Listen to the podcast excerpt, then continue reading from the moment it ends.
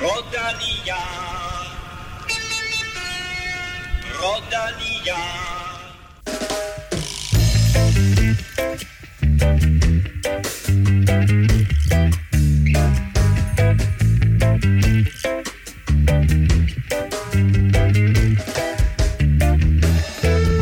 Wow. Velkommen til jubilæumsudgave nummer 125, og hvordan fejrer vi det? Med to danske sejre. Mads Pedersen vandt gen Wevelgem, og Kasper Pedersen nappede sejren i Paris Tour. Så sig ikke, at vi ikke gør noget for vores lyttere. Og med det vel, velkommen til mine to jubilanter. Kim Pedersen og Stefan Pedersen. Alle hedder Pedersen i dag. Øh, for at det ikke skal være løgn, ikke? Ja. Og det, øh, I hørte det her først. Jeg blev jo faktisk øh, født Kim Plesner Pedersen. Nå. Fordi man vidste jo åbenbart, hvad der kom senere i, i livet. Altså, jeg har set dig på en cykel, og jeg ved, at du lever ikke op til, øh, til, til navnet Pedersen, Nej, øh, lige så godt som faktisk- Mads og Kasper gør. Det er faktisk rigtigt. Indrømmet? Godt, men så lad mig spørge dig til, Mads Pedersen, fordi ja. det her, det var bare en iskold sejr af den tidligere verdensmester. Ja, det var, da først han sad der i, til sidst i, øh, i frontgruppen med, øh, altså på, de, på, på den sidste kilometer med, med Trentin og Køng og, og hvem det ellers var, der skulle besejres, der, der tror jeg, de fleste godt kunne se, at, øh, at den vil han nap med det både mentale og fysiske overtag, han efterhånden har på dem der. Der, hvor jeg blev overrasket, det var mere det her ryg, han tog op efter det så ud, som om de var gået i stå bagved, og han ikke var kommet med i den mm. Der gruppe, og så lukker han selv til sidst. Der, der, der troede jeg faktisk, han var færdig, men der har han, der han bluffet. Jeg har i hvert fald bluffet mig. Vi skal tale meget mere om øh, det der bluff, og så skal vi tale om en rytter, som på ingen måde er bluffet, men måske tværtimod, Stefan, har fået sit store gennembrud, nemlig Kasper Pedersen. Ja, Kasper, han, øh, han vinder Paris, Paris Tour øh, foran øh, Benoit Cosnefra, som altså er flyvende i øjeblikket, og har, øh, har jo altså været en- den nye franske stjerne på en eller anden måde, som sådan en, øh, en Alaphilippe Light måske, øh, hvis man kan sige det om en mand, der bliver nummer to i, i Flesh Vallon og tre i Brabantse Pejl, men, øh, men han skulle også ind og spurgte med, med Kasper Pedersen her, og, øh, og ja, de har jo faktisk spurgt før. Øh, Kasper vandt jo U23 EM i Danmark i 17 foran øh, Kostnefra og Hirschi, så, øh, så Mads han er faktisk øh, på en eller anden mærkelig måde, så er han sådan lidt fløjet under radaren øh, indtil nu, vil jeg sige, øh, hans Tour de France. Og så, Men det er øh, sjovt, fordi vi har jo netop talt om det her med Kasper Pedersen, at hvis nu vi ikke havde en Mads P., en Søren Krav, måske en Jakob Fuglsang, så var Kasper Pedersen jo faktisk den her cykelrytter, vi vil tale om, og nu her endelig, så kommer et gennembrud, som vi jo egentlig nok sad og ventede lidt på, øh, eller som vi synes kom under Tour de France, for den måde, han kørte mm. øh, for Sunweb der, var jo helt eminent også. Så han, han kroner vel bare, øh, hvad skal vi sige, en, en stor form, og bruger en stor form til at vinde det løb her. Helt klart, og, og man kan sige, at han kommer jo med i Tour de France, fordi han skal være øh, lead-out, øh, og, og har ligesom viser jo fantastiske evner øh, i, i her, men, men viser også bare, at han kan vinde øh, på, på egen hånd også, og, og nu skal de også til at overveje, om øh, de faktisk skal bruge ham som, øh, som et eller andet form for, øh, for, for vinder, frem for, øh, for hjælperytter. Øh, fordi at hvis han kan gøre det her i et faktisk et, et stærkt felt, jeg ved godt, at vi har meget cykelløb øh, lige i dag, men, øh, men der er altså nogle gode rytter med i Paris Tour, og det er et rimelig stort cykelløb, så, øh, så det kan være, at han skal have nogle flere chancer fremad, fremadrettet. To sejre, og så fik vi endda Mikkel Bjerg ind på tredjepladsen i dag i Giroen, vel at mærke på en bjergetappe. Vi taler meget mere om de her tre danske præstationer, og så skal vi også tale lidt om øh, den der øh, coronavirus, fordi den begynder for alvor at sætte sit præg på cykelsporten. Paris-Roubaix er desværre blevet aflyst, og store navne som Simon Yates, Thies Benoit og Kirsten Wild er alle enten testet positive, eller er kommet i karantæne af andre årsager. Vi er også positive, Stefan. Ja, Men det, men, men det er vi primært over alle de øh, lyttere, der stadigvæk øh, har lyst til at støtte os på tier.dk. Ja, og vi får jo stadig øh, flere ind. Og, øh, siden sidst har vi fået Anders Fritberg, Peter Severin, Michael Bjerring og Kultur Jesper med på vognen. Sådan. Vi er nærmest, blevet, vi er nærmest en kulturinstitution jo. Jamen det er det faktisk. Det kan jeg, tror jeg faktisk vel Europa, øh, det havde vi lidt snak om på et tidspunkt, ikke? En, en kultur... Øh, Hvad var det? var det, et, øh, var det et tag eller sådan noget i, i, i søgeordsoptimering på hvad? det tror vi, det er vi er. Sådan der, velkommen øh, til jer alle fire, og vi håber naturligvis på, at hvis du sidder derude og lytter med, at du så øh, vil gå ind og støtte os på tier.dk. Når du gør det, så har vi ofte gang i en konkurrence, Kim, du har noget nyt på beding til i dag. Ja, sådan semi-nyt, ikke? Vi havde jo, øh, vi havde jo en t-shirt sidst, og det må ikke, vi skyder en bog efter det også. Sådan. Lækkert. Mere om det lidt senere. Mit navn er Claus Elming. Du lytter til Velropa Podcast, præsenteret i samarbejde med Zetland og Otse fra Danske Spil.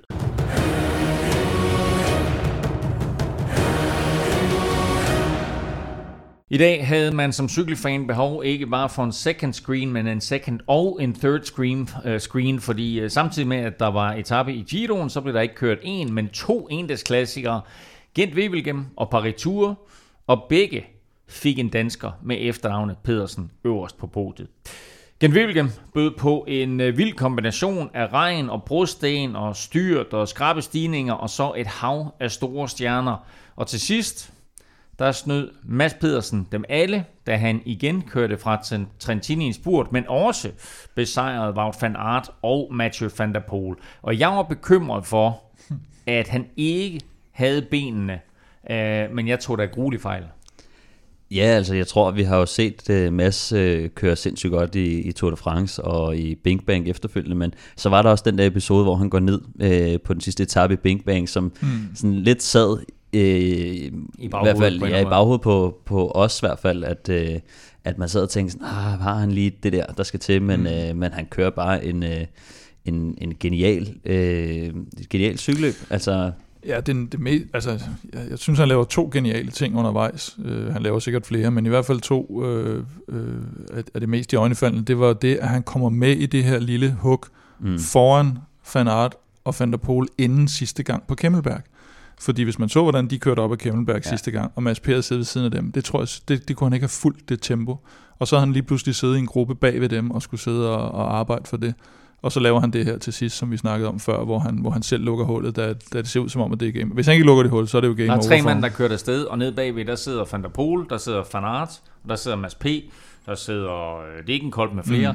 Mm. Øh, og ligesom om den der tremandsgruppe får et hul, Ja, det og bliver så, låst bagved, ikke? Ja, og, og, og, og det er første gang ligesom, at Van der Poel viser en, en lille bitte smule svaghedstegn, eller i hvert fald viser manglende vilje til at bruge kræfter på at lukke hullet. Ja, fordi og, så, og så kigger Mads P. der, og så siger han, her er momentet. Mm. Og der har han kræfter til at lukke det hul. Det, altså det, ikke det, sammen med resten, men alene. Ja, lige præcis. Og, det, og, og grunden til, at Van der Poel og Van Aert de til sidst sidder og kigger på hinanden, det er jo, fordi de har begge to to gange tror jeg, virkelig lukket nogle alvorlige huller, ikke? så, mm. så, så det, deres øh, kræfter er også, er også ved at være brugt op. Og de ved godt, hvis de lukker en gang mere, så har de jo nærmest ikke noget til, til spurten. Og der har Mads siddet og gemt sig en lille bit smule, og, og, og måske fake lidt, og havde lidt dårlige ben, mm. ikke? men så havde han lige den her ene tændstik tilbage, han kunne brænde. Men jeg synes, det var, det var ret interessant, hvordan øh, vi havde lidt snakket om det med Van der Pol og Wout van Aert, at når de kommer til at, at, at køre mod hinanden igen, som vi ikke har set i noget tid, fordi de ikke kørt Tour de France og så videre sammen, øh, så, øh, så fik vi virkelig set den her øh, rivalisering, der mm. er mellem dem, hvor de kører på Kemmelberg, øh, væk, nærmest væk fra alle. De andre kommer så op øh, og bliver en større gruppe, og så, øh, så var der lidt, lidt spil, som, som jeg synes Quickstep øh, faktisk øh, tog lidt initiativ til med, med Senechal og, øh, og hvad hedder han, Yves Lampard, som, som rykkede på skift og skabte lidt. Og så sidder de jo, uh, Wout van Aert og Van der Poel er jo måske de stærkeste mm. i gruppen, og, uh, og de ved også godt, hvor stærke de er, og de kan sidde og lukke de der huller, og det nyder de andre jo bare godt af, at de kan sidde og angribe sådan lidt på skift, og de ender jo med at annullere hinanden fuldstændig, ja. altså, og, og kommer jo sidst ind i, i gruppen, altså bliver, uh, bliver nummer 8 og 9, uh, og de er jo måske de to stærkeste, ikke? så det er jo det er også bare genialt for, for Mads, at han, han sidder der som... Uh, som tidligere verdensmester og, og øh, virkelig godt kørende og, og kører bare iskoldt og lader de andre lukke hullerne og, og så, øh, så, så er det jo flot den måde han kører op på, men det er jo også bare den her øh, taktiske øh, situation, som, som han udnytter virkelig godt. Mm. Men er det netop det der, altså faker han den lidt og lurpasser han lidt, fordi han ligger nede bagved, og det er jo det er jo et, at det er jo genialt, for han sparer kræfter, men to, så er det jo også meget, meget modigt, at han tør beliggende der, og ikke blander sig i noget som helst med at skulle til at lukke huller, og ikke bruge kræfter ja, på det. Altså, der er en episode, inden der kommer der, hvor han selv kører op. Der er en tilsvarende episode, hvor det ser ud som om, nu er den lukket, og, så, og mm. de kom ikke med. Men der kan jeg så ikke huske, om det er Van Aert eller Van der Pol, der så alligevel tager den og får lukket det hul. Og der tænker jeg, okay, den, okay pis, nu kom de andre sgu med, jeg tror det var også for fire mand eller sådan noget, der røg afsted der. Ikke? Øh, men der, der er han også iskold og siger, ja, Jeg gør det altså ikke. Øh, og, og det er selvfølgelig en gambling. Og så har han jo så været i gåsøjne heldig, at netop Van der Pol og Van Aert, de har ligget og lukket de her, mens han har kunne i hvert fald spare en lille smule kræfter. Øh, og, og det har så gjort, at han har til det her sidste hug til sidst. Fordi øh, hvis, hvis han havde lukket lige så meget som, som Van Aert og Van der Pol i, i de fem minutter op til, så havde han jo selvfølgelig ligesom dem siddet og bare kigget. Og det er også det, der, der er desværre ikke, fordi at de har jo spillet med musklerne allerede, mm. og så alle ved også godt, det er de her to, der er øh, de stærkeste. Det ved de andre, og det ved de selv, og, at, øh, og det, det kræver også bare, at, at hver gang der sker et eller andet, øh, et angreb, så sidder jeg alle sammen og kigger på dem, mm. og de ved også godt, at cykelløbet er kørt, hvis jeg ikke lukker det her hul. Mm. Og sådan, øh, det, det er bare en rigtig svær situation, når der er så mange klasseryttere med, Øhm, og de alligevel er så store øh, favoritter øh, på en eller anden mærkelig måde, så, øh, så det, er bare, øh, det er bare godt kørt i de andre, og sådan er det bare i cykelløb, at, at det er ikke altid den stærkeste, der vinder. Øh, ja, det, det ved vi ikke, fordi Hva? han var virkelig stærk. Men... Jo, nej, men det var ikke for at sige, at Mads ikke var, var stærk, fordi han er jo klart er han en af de, men, men når de er de her otte mand, eller ni mand tilbage, øh, så er det også bare de her finaler, mm. et hårdt cykelløb, og har man øh, siddet og sparet lidt øh, på krudtet og og, og, og angrebet på de rigtige tidspunkter og sådan noget, så, øh, så kan man sagtens øh, vinde, selvom man måske ikke er den allerstærkeste på for eksempel Kemmelberg-stigningen. Og det er jo vanvittigt imponerende. Måske endnu mere imponerende, at han vinder i dag, Mads, når man ser på den gruppe, han kommer hjem med. Fordi ja. det er Trentin, som han jo efterhånden har krammet på. Ikke? Det, det, det er Betiol, det er Stefan Kyng, som han jo også sad med der sidste mm. år til VM. Øh, det er John Degenkolb, det er Lampard, det er Wout van Aert og Mathieu van der Poel. Det er jo nogle klasse navne, det her. Ja.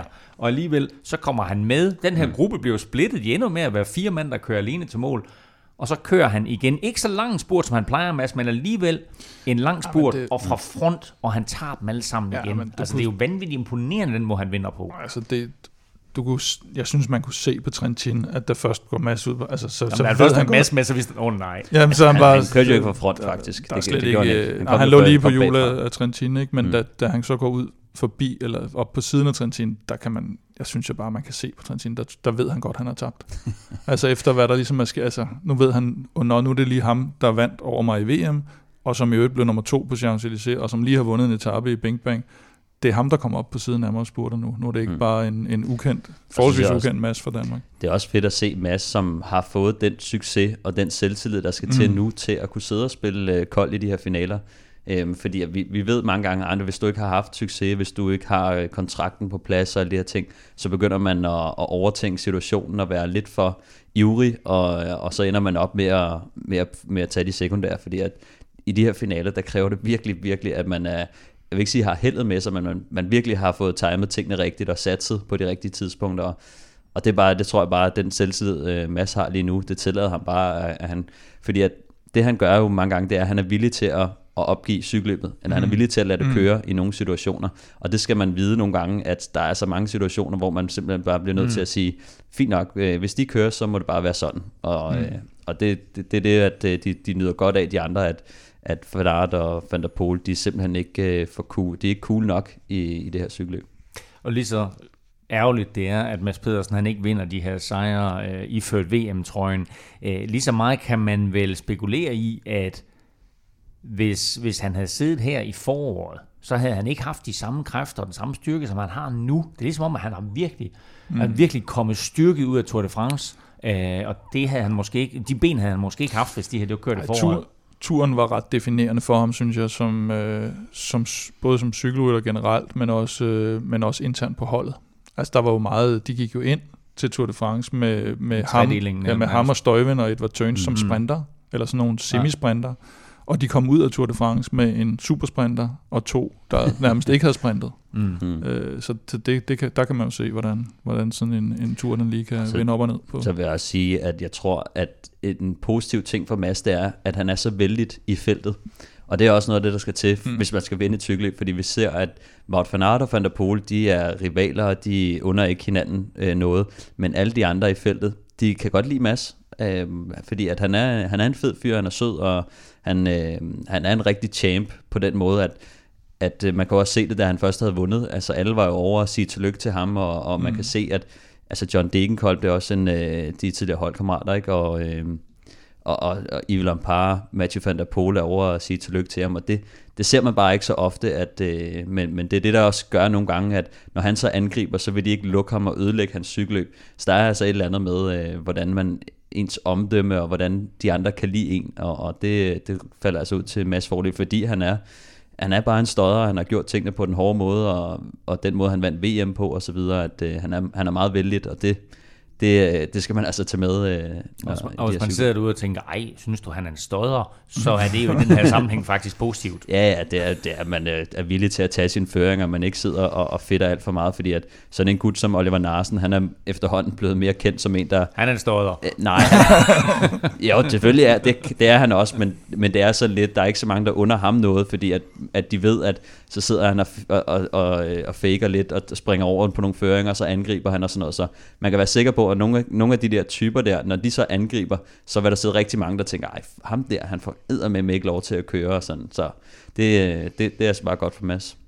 Og da der så blev kørt, der var der ingen, der kørte hurtigere end Mads Pedersen. Han vinder Gent Wevelgem, og det gør han foran øh, Florian Senechal, og så med Matteo Trentin på tredjepladsen. Kvinderne øh, har også kørt Gent Wevelgem i dag, eller det vil sige, at de kører faktisk i øjeblikket, så vi kan ikke rigtig øh, give dig øh, resultatet af kvindernes Gent Wevelgem, men det håber vi på at have sidst i udsendelsen. Inden vi taler mere dansk succes, så skal vi lige have skudt quizzen i gang, og der er stillingen jo efter sidste øh, udsendelse, at Kim fører med 26-24, og serveretten ligger hos dig, Stefan. Og der har jo været mange, som har skrevet til os, hvorfor... Det var Seerstorm. Nå, shitstorm. Ah, Nå, Seerstorm. og Seerstorm. ja, Seerstorm øh, i et lytteunivers. Ja. Uh, hvorfor du partout uh, ville have sidste uges quiz til at omhandle kvinder. Ja.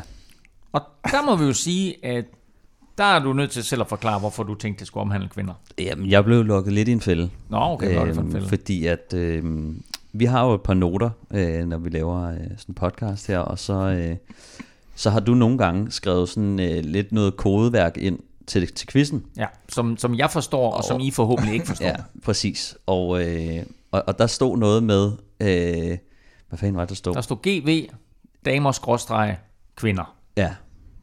Og så, øh, og så hører jeg jo ikke rigtig, hvad det er, du snakker om, og så tænker jeg, okay, der er et lille cue til mig her, det er noget med nogle, det er noget med nogle damer, og så tænker jeg, så må jeg lige, må lige tænke, hvem kunne have vundet øh, uh, Gent Wevelgem for damer?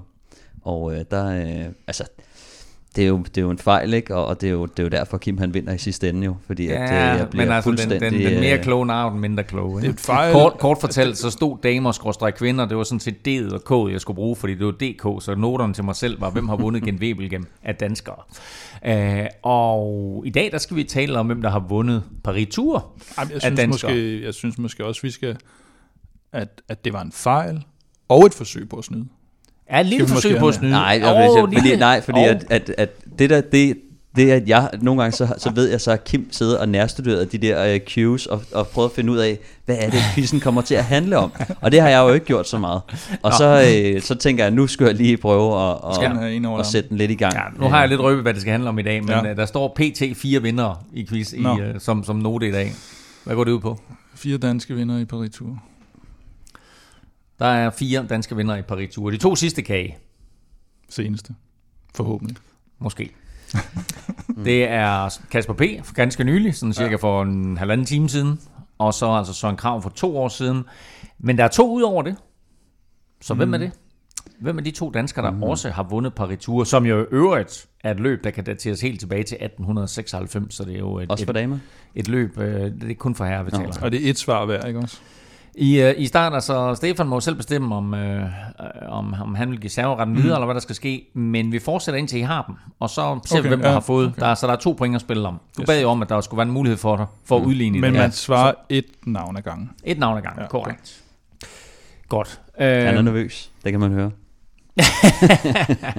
Nå, men er reglerne forstået? Er spørgsmålet forstået? Ja, i, ja, den her gang har jeg forstået det. Mm. Godt.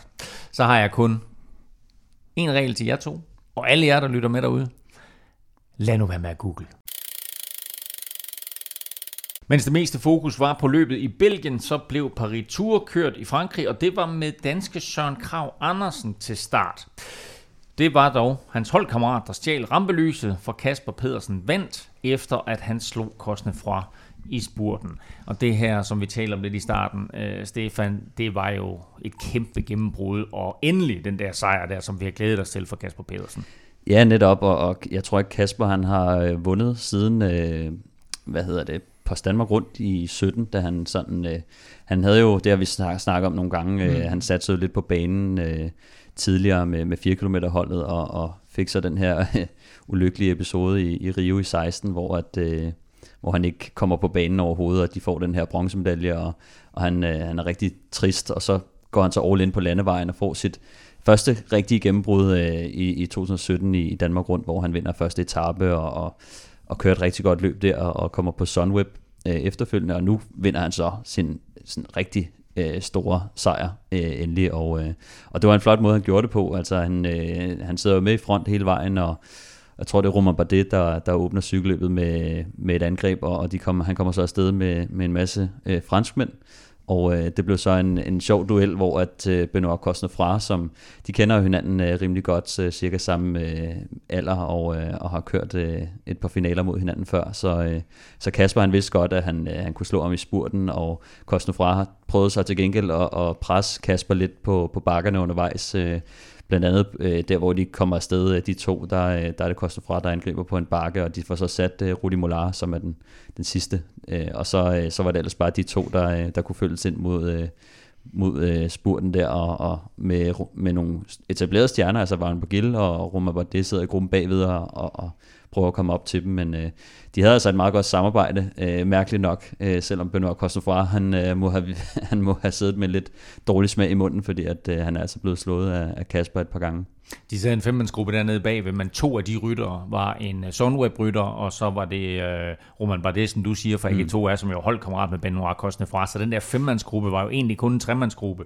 Øh, og det betød jo så også, at den her femmandsgruppe ikke kunne lukke øh, Kostne Fra og Kasper Pedersen, så forspringet de havde der på omkring 20 sekunder, det bevarede de hele vejen ind til mål, og så endte mm. det faktisk med at blive omkring et, et, et, et halvt minut, altså de var i stand til at, øh, at holde forfølgerne bag sig.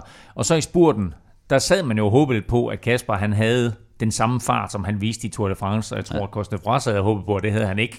men, øh, men Kasper, men han det, vinder spurten. Og det er jo underligt efterhånden, at han, at han gider køre mod danskere Costa Fras. Altså, ja, han må snart have lært det. Ikke? Han bliver basket af ham til EM, han bliver basket af Søren Krav, han bliver basket af, af, af Kasper nu.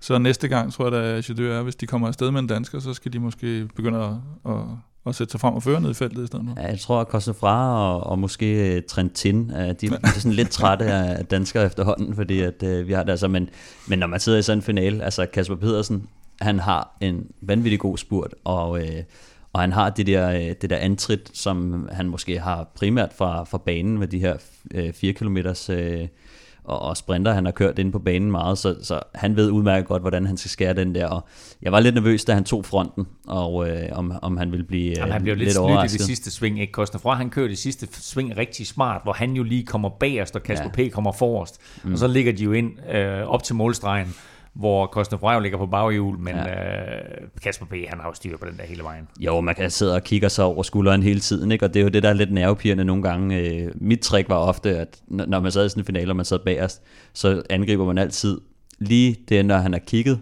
tilbage, og så du ved, lige det, han vender hovedet, så skal man angribe, fordi så får man lige det der øh, sekund eller to øh, til forspring der, men, øh, men der var altså styr på det for Kasper, og selvtillid til at, til at tage den fra spids. Øh. Og selvtillid til lige at lave en Julian Alaphilippe begge arme ja. strakt i vejret. Du ved, jeg tænkte, åh oh, nej, åh oh, nej, åh oh, nej, men han, øh, han holdt heldigvis øh, hele vejen over stregen. Og så sagde du det her, Kim, med, og, og Stefan, fantastisk skyld også, med, med, med de her danske ryttere. Hvor vi er i en, i, i en tid, når vi oplever nogle løb, og nogle uger, nogle måneder, nogle år her, med masser af danske sejre. Altså, sådan noget, altså, vi aldrig nogensinde har oplevet på, på, på samme niveau før. Vi skal lige huske at nyde det også.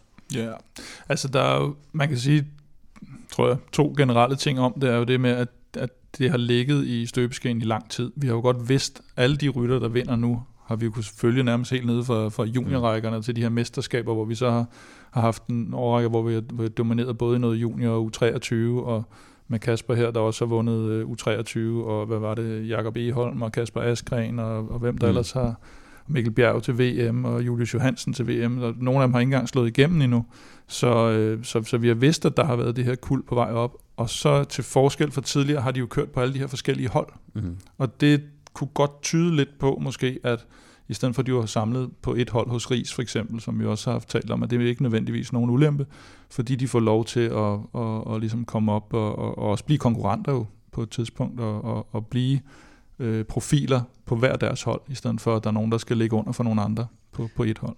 Ja, og netop, altså vi så jo faktisk øh, en periode, hvor der ikke kom så mange op, øh, kan man sige, da, da Bjarne havde, øh, hvad hedder de, Tinkoff Saxo, øh, i den periode der, der var det sådan lidt svært for danskerne at bryde igennem, og der var ikke så mange, der holdt øje med, med, med danskerne, og, og, og så, så, så var der lige den der periode, hvor det var sådan lidt svært, og så skal jeg ellers love for, at, øh, at, at der kom en, en, en god bølge, og, og mange af de øh, udenlandske hold, de, øh, de er begyndt at kigge, kigge på danskerne, og, og de ved, at, at vi er altså meget gode til at køre cykelløb herhjemme, og jeg, jeg er super glad, fordi at jeg har kørt mod, mod alle de her øh, på den hjemlige scene. Og, du har og det, lært dem alt, hvad de ved. Nej, nej men jeg, det er bare sjovt. Det er bare fedt at se, at, at det, det er nogen, som man har ligget og, og, og kørt cykelløb mod, og, og, og slået nogle gange. Ikke? Og, har du kørt mod Kasper P? Ja, ja, jamen, jeg var jo... Ham? Jamen Kasper, han, øh, han skylder mig jo en, en bakketrøje i Danmark rundt. Vi kørte, vi havde debut i Danmark rundt samtidig, og kom i udbrud på første etape. Og Mads, han ligger, nej undskyld, øh, Kasper han ligger og støvsuger de her sprintpoint. Øh, og så tænker jeg, sad og tænkte, jeg skal bare have den der bakkespur lige om lidt, så jeg angriber ned for bunden og kommer afsted med et eller andet øh, gut, som sidder og siger, du får den, du får den og sådan noget.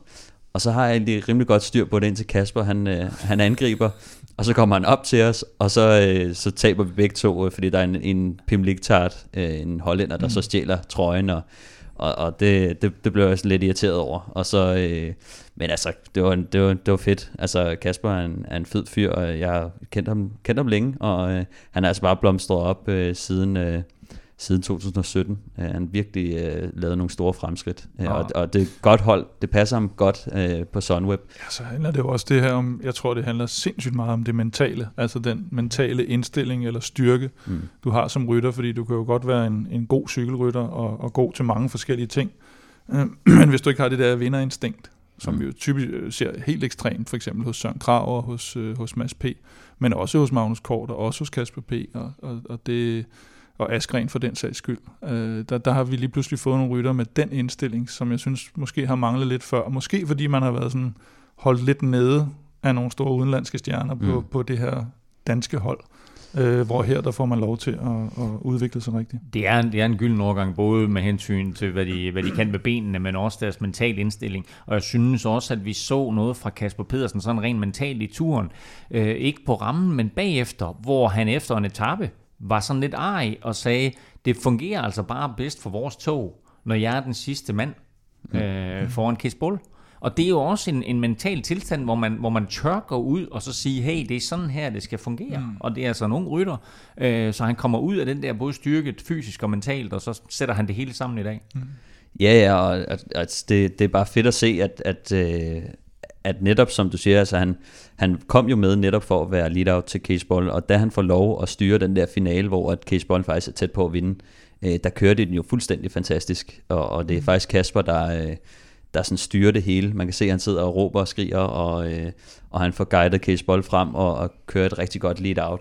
Og, øh, og nu viser han jo bare, at han også selv kan vinde, ikke? så jeg, jeg håber lidt, at, at han... Faktisk så synes jeg, det var fedt at se, at, at nogle gange, så, så er det også ret vigtigt, at man man finder en rolle, hvor man er godt tilpas, og man gør en stor forskel. Øh, fordi nogle gange, hvis man, hvis man gerne vil vinde cykelløb selv, og du så ikke kan vinde nogen cykelløb, så ender man bare med at ryge ud øh, til et andet hold, eller, eller ryge ned i, i rækkerne. Ikke? Så, så det handler også ofte om at finde sin plads på et, på et stort cykelhold. Jo, men netop det, de, og der har vi også nogle rytter, der er gået ind og taget deres plads. Mm. Hvis du ser på en, en Søren Krav, og nu Kasper P. på, på Sunweb, der har jo været for eksempel meget, nu så man, var det sidste år i Bing Bank, hvor der lidt var noget duel mellem uh, Matthews og, og Søren Krav. Hmm. Søren Krav, han er stor stjerne nu på Sunweb, og Matthews, han er på vej tilbage til, til Mitchelton Scott, tror jeg, er, han mm, skal tilbage mm. til. Ikke? Uh, han Kasper Askren, der har kørt sig ind blandt Quicksteps største klassikerrytter. Mm. Det er altså ikke noget, det er jo nærmest ikke nogen, der har gjort nogensinde af danskere. Og så har du, øh, for sidst, Mads P., som jo netop går ind med det her, det er jo Støjven, altså Støjven, som er virkelig også en stor rytter, og, og Tøns, og nu han øverst i det hierarki lige pludselig. Øh, hvor de startede med, at Støjven var klart øverst, så var de sådan ligestillet og bondkammerater, mm. nu er Mads P. klart øverst i den der. Ja, jeg tror meget af det, jeg tror, at de, de udenlandske hold sådan for alvor har fået øjnene op for, øh, der er en god kultur i, i Danmark, det er en meget seriøs øh, kultur øh, og, og kompetitiv, altså at, at i Danmark, der kan vi finde ud af at køre sidevind, og vi kan finde ud af at køre bakker, øh, og vi kan finde ud af at sprinte, og øh, det er sådan, det er bare en meget god kombi i forhold til øh, ofte altså, det er sjældent, du ser øh, sprinter fra Spanien for eksempel. Øh, men, men i Danmark, der har man sådan et, et godt terræn og en god kultur og en, og en, en høj seriøsitet, som, øh, som virkelig øh, springer i øjnene nu hos, øh, hos de store hold i udlandet. En rytter, som øh, vi havde store forhåbninger til i det her løb, det var Kasper Pedersens holdkammerat Søren Krav. Han vandt løbet i 2018, men øh, 2020-udgaven den sluttede for den danske tur øh, lige omkring 50 km før mål. Ja, han ligger i, i, i feltet derinde i, i midten, og øh, der sker så en episode, der er en, der, der kanter ham. Og så, øh, så må han altså en, en tur i asfalten, og, og det slutter så desværre for ham der. Men øh, jeg tror, at det så som om, han var, han var okay, og han kom tilbage på cyklen, og Ja, selvom øh, først så gjorde han ikke, og så gjorde han alligevel. Og sådan ja, ja, der var lidt forvirring øh, om det, men, øh, men han kommer altså tilbage på cyklen, og jeg tror umiddelbart, at han er okay, selvom det så ud som om, han havde slået så meget lige i starten, men, øh, men forhåbentlig ikke noget, øh, ikke noget brækket. Sunweb var ude og melde ud, at han var stået af, og så var han pludselig tilbage på cyklen, og så ender han faktisk med at kæmpe sig i mål. Han kom ind øh, 9 minutter efter sin holdkammerat og vinder Kasper Pedersen. Og Kasper kan altså nu kalde sig for klassiker, vinder. Han tager sejren foran Benoit Cosnefra og med hans, øh, altså Kaspers holdkammerat, øh, Joris Neuvenhaus på tredjepladsen. I Giro d'Italia kan rytterne se frem til den første hviledag. 9. etape er netop slut. Den var på 207 km med 4.000 højdemeter, tre skarpe øh, stigninger og så mål på toppen i øh, Roccaraso. Jakob Fuglsang hentede lidt sekunder på de andre favoritter, men ellers så blev det Kim en øh, overraskende kedelig etape. For det utrænede øje, ja. oh. ja, vi har snakket Ej, lidt op, og du har snakket lidt ned. Ja, jeg, jeg fik jo lidt slag for at slagte, slagte den lidt ned, øhm, men det blev jo jeg synes også, det lignede, det lignede lidt det, det blev. Altså, det, ja. det var, det var for, for, for flade stigninger, hvis man kan sige det sådan, til at, at der var nogen, der, der synes det kunne være sjovt.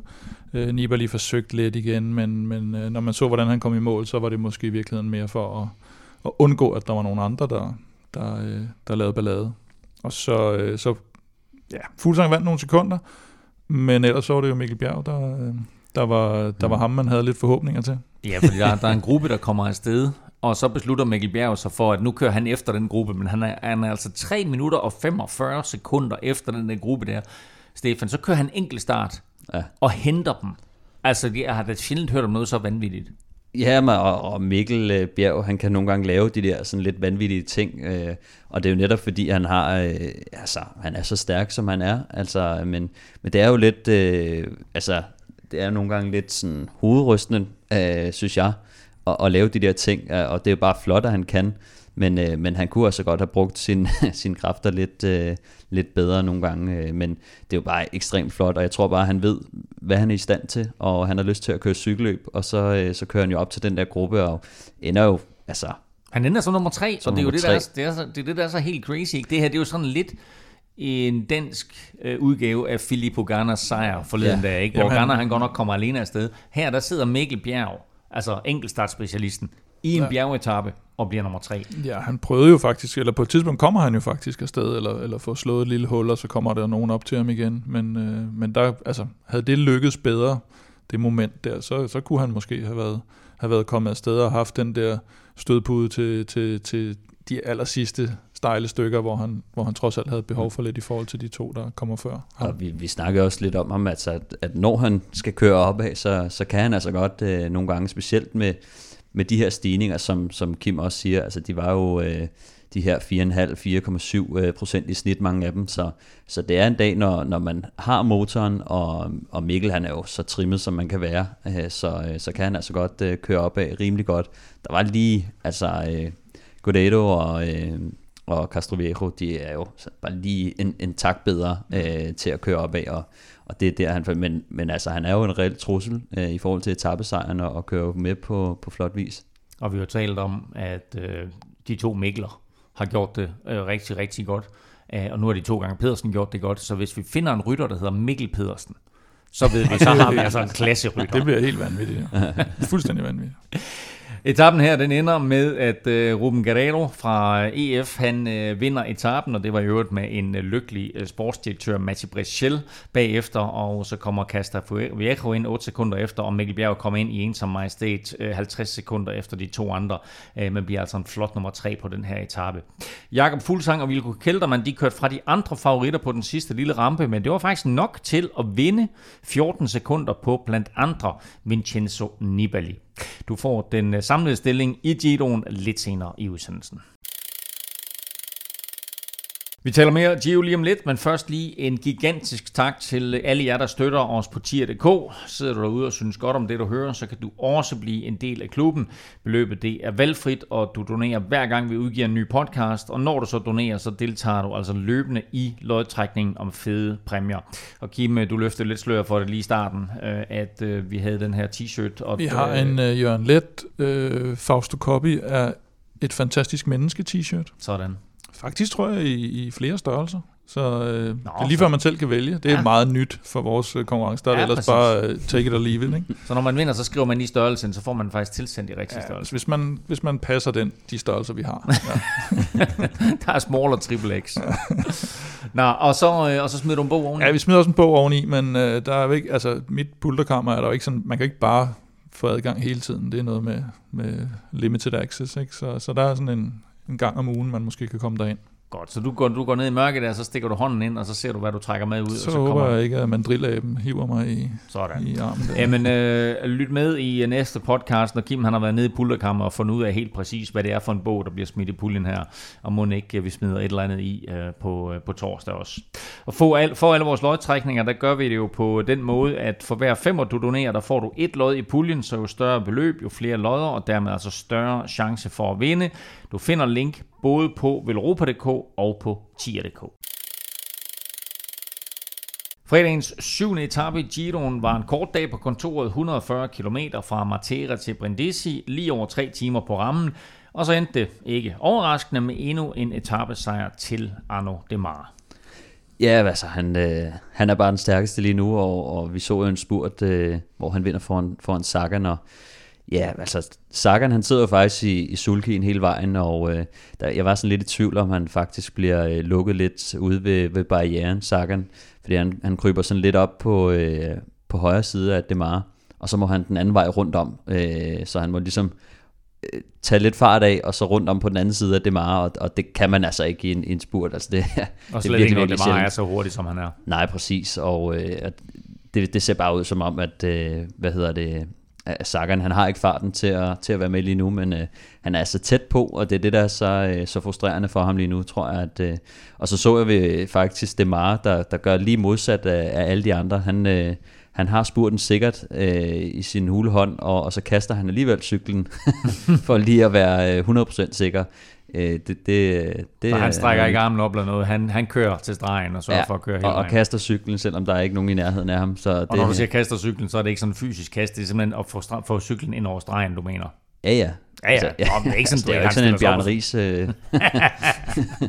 Hvor jeg spurgte jer sidst om den her etape med sine blot 140 km, det var årets nemmeste, men det skulle, den skulle da vise sig, at den blev præget både af, af sidevind og af styrt. Ja, altså det er jo faktisk øh, det kønne Quickstep, der, der sætter sig frem sådan lidt tidligt. Øh, med, den var 140 km lang, og øh, e-, efter allerede 10 km, så kommer de altså ned på sådan en lille vej, hvor man bare kan se, at de sidder og, og kigger nervøst på hinanden, og så er det altså bare øh, derudaf for, for Quickstep og, og laver den der vifte. Og det skaber altså en del øh, splittelse, og Fuglsang bliver også fanget ned bagved øh, sammen med nogle andre. Og øh, så går, så går øh, den gode idé, den falder sådan lidt til jorden, øh, for de kommer lidt ud, hvor at hvor vinden øh, ikke, ikke ligger lige så godt og på nogle lidt bredere veje, og så bliver det altså neutraliseret lidt igen, og jeg tror også Quickstep, de, øh, de har jo ikke rigtig nogen sprinter, så, øh, så jeg tror, de havde måske håbet på at sætte noget i gang, og så øh, se, om, om der var nogle andre, der ville øh, hjælpe med at, med at gøre det færdigt. Men heldig nok for, for Fuglsang, så, øh, så, øh, så var der ikke så meget lyst til at køre sidevind hele dagen. Nej, men han bliver trods alt fanget, mm. øh, Fuglsang, øh, i sidevinden der. Øh, og som vi talte om sidst, så kniber det altså lidt med kommunikationen på Astana, når det kommer til vind og vejr. Ja, nu er det, nu er det nok snart ikke en tilfældighed mere, og øh, jeg mener, han skrev i sin klumme, at deres, øh, ham de havde haft ude og kigge lidt til, til vejret, hans informationer, der var tilgået sportsdirektør Alexander Schäfer, de var ikke rigtig kommet videre derfra. øhm, og nu talte vi faktisk om, om, om det jo så var den samme, som øh, ham øh, Kort heller ikke rigtig kunne tale engelsk med, kan jeg huske i, i foråret mm. eller sidste år, hvor, hvor han havde lidt problemer med, at han ikke rigtig vidste, hvad han skulle. Men det mener jeg faktisk var Fofanov, nu jeg tænker nærmere over det. Så det er mere, at vi ikke også lige klandrer øh, den gode her chefer for det. Øh, men det er, altså, der er, der er nogle ting på det der Astana-hold, der ikke helt fungerer så, øh, så smidigt som på, på de andre hold, når det kommer til alle de her udenomsting. Og det, altså, hvis, hvis Jakob han skal gøre sig forhåbninger om at vinde den her øh, Giro, så er han jo næsten nødt til at søge noget, noget ekstern øh, hvad hedder så noget information omkring vind og vejr, fordi han kan ikke, han kan ikke stole på sin egen folk længere. Han ligger bare og tjekker YR hver aften. Jamen det er, altså, det er jo lige, hvad han er nødt til det jo. Ja. Nej, men det er, det er jo altså det er jo en del af, det er jo en del af, af, af cykelsporten det er jo, at at være forberedt. For nej, nej, men altså alt det uden, og det er jo det vi, vi har talt om, at, at det er jo også en af de ting, som uh, Team Sky koster ind i os jo løftet, og hvor mange uh, andre hold er, er kommet med, alle de her, alle de her ting, der, der omkranser cykelsporten, og ikke kun det at køre fra A til B.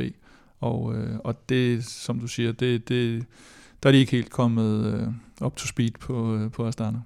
Til gengæld så var der mange ryttere efterfølgende, der var ude og kritisere øh, indsnævringerne på vejen i forbindelse med de her porte, der viser, hvor lang tid, eller hvor langt mange kilometer der er tilbage. Og det betød faktisk, at der var øh, fire store styrt i løbet, og som så igen betød, at en øh, rytter som Tony Galopin måtte forlade løbet med, med en brækket hånd, og, og yderligere tre rytter, øh, eller to rytter forlod løbet, og Jakob Fuglsang var faktisk også nede og slap dog med, med hudafskrabninger. Men Stefan, det her med, med, med de der indsnævringer der og portene, altså kan man ikke gøre et eller andet ved det? Fordi når du har sådan en bred vej, og så lige pludselig, at så er der en meter mindre på hver side, fordi der er de her porte. Altså det er, da, det er fuldstændig urimeligt for sådan et felt, der kommer med høj fart. Jo, altså det sker jo øh, ret ofte. Altså, øh, jeg tror lige nu, at der også meget momentum i at, at kritisere øh, øh, Giro d'Italia for, øh, for, for, for vejene, og, og de ikke har styr på barriererne, og så, og så bliver det lidt nemmere at kritisere øh, no, nogle flere ting. Men det kommer Men, vel også i en tid, hvor vi har set mange uheldige episoder, ja. og hvor der måske også er pres på derfor, mm. for at få UCI til at lave nogle bedre forhold generelt. Ja, altså jeg synes, at øh, det er også på tide lidt, altså jeg tror måske også, det er derfor, at vi hører så meget fra rytterne lige nu, det er, at, at der er virkelig behov for, at der skal ske et eller andet, øh, og UCI bliver nødt til at, at være lidt bedre til at, at styre begivenhederne ud, og sørge for, at folk de ikke øh, bliver slået til plukfisk med, med alle mulige øh, altså dårlige veje og, og, og ting på vejene og, og de her indsnævringer, men det er en naturlig del af cykelløb, så jeg vil altså indsnævringer, det, det, det skal feltet også være lidt bedre til. Man ved bare, øh, på sidevindsetapper, øh, der, øh, der er det sådan lidt mere det vilde vesten. Altså, der advarer folk ikke. Normalt så er det god stil, når man lige øh, vinker lidt, og man lige råber lidt, når, når der kommer noget. Men når du sidder øh, og kører fuld cykel på sidevind, så bliver der altså ikke sagt noget som helst. Øh, så der er sådan lidt øh, mere risky i forhold til, der, der bliver man altså nødt til selv at, at holde øje, og, og hvis man har pulsen højt oppe, så har man det med at kun at kigge ned på, øh, på baghjulet på, på ham foran. Ikke? Så, så der er sådan lidt mere, øh, når der bliver kørt sidevind, så, så bliver det sådan lidt mere farligt, og der bliver man selv nødt til at, at, at holde øje. Og det kostede altså tre ryttere deres videre eksistens øh, i løbet. 8. etape lørdag lignede sådan i profil en uh, sombrero, flad på begge sider, og så en kæmpe pukkel i midten. og uh, i målbyen Vieste, der skulle der køres to omgange, der blandt andet blev på sådan en skrab 1 km stigning, og hvor vi måske nok havde forventet et opgør, og håbet lidt på et opgør igen mellem de stærkeste poncheurs, så blev det i stedet en solo-sejr til Alex Dowsett. Ja, altså de mærkeligt nok, så slipper den her øh, udbrydergruppe afsted. Øh, og, og der er slet ikke nogen lyst til at, til at hente dem ind. Det kønne Quickstep, de, øh, de har taget en, øh, en fridag, og der er ingen af sprinterholdene, der sådan var interesseret. Øh, og jeg tror, at at måske mangler de sådan lidt holdet til at, øh, altså sprinterholdene mangler måske lidt øh, nogle stærke folk, og, og, og de havde måske håbet, at Quickstep ville gøre øh, forarbejdet for dem, øh, som de jo så valgte ikke at gøre øh, fordi de, de vil bare spare på, på krudtet, ikke? så der var sådan lidt uenighed omkring, normalt så plejer det at være dem, der har føretrøjen, der måske står for roughly den første halvdel af, af en etape, og så tager mm. sprinterholdene over, og den her sombrero-etape, den var måske sådan lidt atypisk også, så jeg tror, at øh, det ser man nogle gange, så, så, så falder det lidt til jorden med de øh, aftaler. Og, jo, og så havde, så havde du også den, de der omgange med, med den der lille stigning det gør jo også, at du kan ikke ja. være sikker på, du kan sidde og arbejde hele dagen, og så ryger din sprinter på den stigning mm. alligevel, så, så gider du heller ikke at, at okse alt for meget på den. Vel? Præcis, så det er, det er også det med, at, at de sidder der, og, og hvad hedder det, øhm, sprinterholdene, de sidder og siger, at øh, de, de, de, ikke helt, de tror ikke helt på det, det er sådan mm. ligner lidt mere en puncher og dem, der har punchers, de sidder og tænker, ah, det der, det er sgu mere en sprinteretappe, så, så jeg tror også bare, sådan, der kan være sådan lidt, øh, når den bliver lidt tricky, og, og der er ikke rigtig nogen, der sådan tror på det. Mm. Og det havde jo måske været en god mulighed for Sagan, men de har måske så heller ikke uh, så meget tro på uh, at lave uh, smadre sig selv en hel dag, for at han skal ind og tage en spurt igen. så, uh, men uh, jo, altså uh, meget sjov etape med, uh, med de her, uh, var de seks mand i udbruddet, og, og der var altså to fra Israel øh, Alex Stavset og Brandl, som uh, jo er enkeltstartspecialister, og, og de, de starter med at blive sat øh, begge to på, øh, på den der stigning første gang, de skal over den. Og, øh, og der, der er sådan lidt dårligt samarbejde mellem øh, det Salvatore Puccio fra Ineos og Matthew Holmes fra øh, Lotto, og så ham her, Joey Roscop fra øh, CCC, der så nok var de stærkeste, men de kan simpelthen ikke finde ud af at, at arbejde sammen på nogen måde. Øh, og øh, de kommer så op igen, øh, Brandl og, og Dowsett, og Dowsett han stikker så derud af, og de kan simpelthen ikke finde ud af at arbejde sammen, så de ender med bare at trille og give ham de her 50 sekunder, og så prøver de at angribe på, på stigningen sidste gang, og jeg tror, de lukker ham ned til sådan noget par 20 sekunder, men, men der, er han altså, øh, der er han altså for god og, og kan holde den hele vejen til stregen. Så lidt, når man sidder og ser det, så synes jeg bare, det var irriterende at se, at de ikke kunne finde ud af, at, at de vidste jo udmærket godt, øh, hvad de kunne på den der øh, stigning der, og de burde jo egentlig have, have vundet den, enten øh, Matthew Holmes eller Salvatore Puccio. Men øh, det, det er nok længe siden, de har, de har kørt en reel finale, og, og de kunne ikke helt finde ud af at, at, at gøre det færdigt. Og det var faktisk den første Grand Tour sejr til øh, holdet for Israel efter fem års eksistens, så der var naturligvis stor jubel i lejren. Og så virkede det også som om, at Alex Dowsett, han var en meget populær vinder blandt kollegerne. Ja, øh, han, øh, det er jo ikke så tit, han er i rampelyset, kan man sige. Han kører, han kører nogle fornuftige enkeltstarter, men heller ikke... Typisk bliver han jo overgået af Rowan Dennis og Campenarts og hvad, hvad de ellers hedder, de, de helt store øh, Dumoulin. Og øh, og, og, og, og der, kom, øh, der kom gode hilsner, ja, både fra Cavendish og Rory Sutherland, og han har, han har også kørt på hold med, med mange forskellige gennem, gennem karrieren, og, og meget sympatisk rytter. Så, så der er en del, der, der under ham sådan en, en god sejr der. En landevejssejr endda. Eller hvad hedder det? Linjeløbssejr. Linjeløbssejr. Jeg tror, at jeg så, at det var øh, ni år siden, at han havde altså, kørt første år, første år stregen ja. i, et, øh, i et landevejsløb. Altså, altså så, ikke, ikke en enkelt start. Nej, præcis. Ja. Så det, det er fandme også... Altså, jeg har vundet inden for de sidste ni år, ikke? og det er lige før... og sige, altså, de gjorde alt for, at han ikke skulle vinde, fordi da han kom op til målstregen alene, der kommer der lige pludselig en hund øh, ja. ude, så der løb en, en, en hund sammen med ham de sidste par 100 meter. Ja, det skulle lige passe, at ja, ja. Øh, han ikke kunne finde ud af det. Det ville også bare fejre ham, for så, så populær er ja, præcis. Så nej, der var ikke øh, helt så meget drama som dagen før, men faktisk så punkterede Fuglsang jo undervejs på den her etape. Og så lavede Trek Segafredo og Nibali et ufint trick, fordi øh, de satte jo pludselig tempo på, mens Fuglsang han var sat bag feltet. Ja, der er vist delte mening om, om det lige var der, de gjorde det. Øhm, de var egentlig startet, men jeg tror mere spørgsmålet så var, om de skulle have opgivet det, fordi de så hørte, at Fuglsang var, øh, og at der er en uskreven regel omkring det. Øh, og, men men det, det kan man jo altid diskutere. Jeg synes, jeg synes bare generelt, at der er lidt for meget...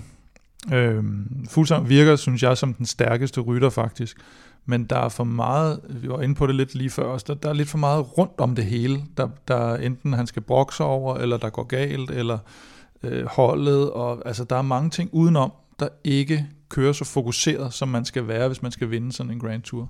Og hvis, hvis, han skriver øh, en daglig klumme, det har du trods alt aldrig set Chris Froome gøre midt under en, øh, nå, en nej, det, det, det kan han nok godt overleve, men, men rigtig nok, at øh, det er også sådan noget, der, der kan være med til at bare tage en lille smule fokus væk. Men, men, men netop det der, når, hvis du er den stærkeste, så, men, men, altså, jeg siger ikke, at det hele er fuglsangs skyld, det er også noget, der er helt uforskyldt, der kommer udefra, men der er bare mange ting rundt om hele tiden. Der kan være sådan nogle små øh, irritationsmomenter, og det, hvis man skal, hvis man skal vinde sådan en efter, efter tre uger, så, øh, så skal der helst være fuld fokus hele vejen igennem, og det, det kunne være godt at se, også for, altså både fra hans holds side og, og fra hans egen side, at det blev en lille smule mere fokuseret, så tror jeg sådan set godt, han kan tage den.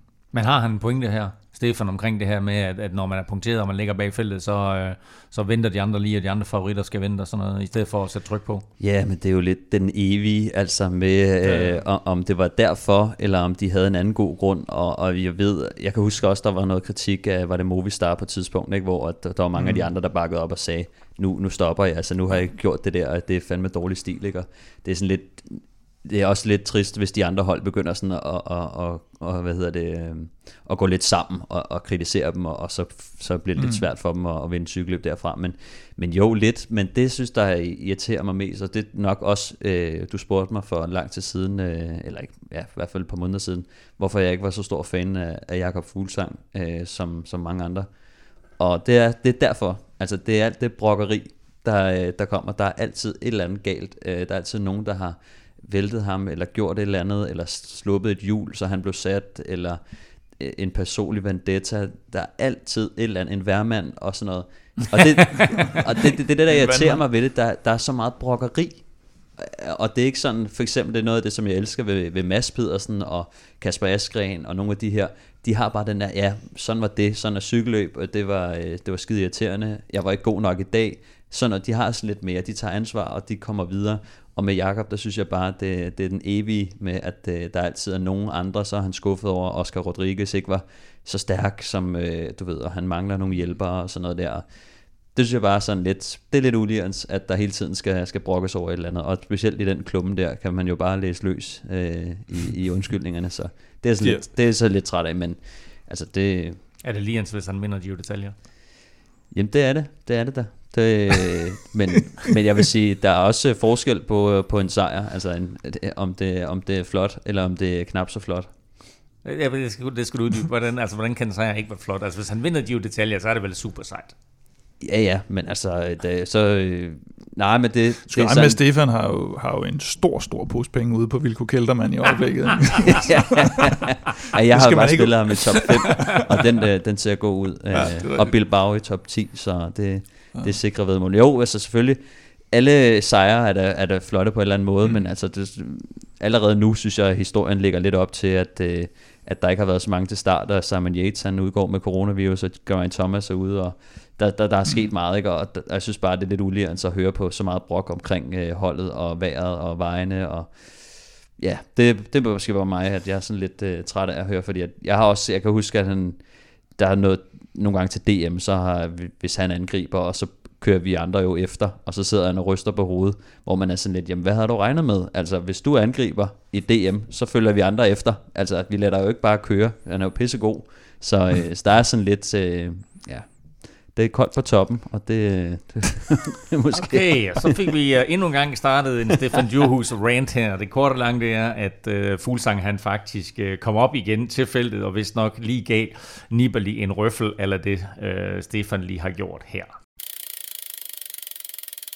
Vi er glade for, at vores gode venner fra Zetland er tilbage som partner på Velropa Podcast, og så faktisk for resten af sæsonen.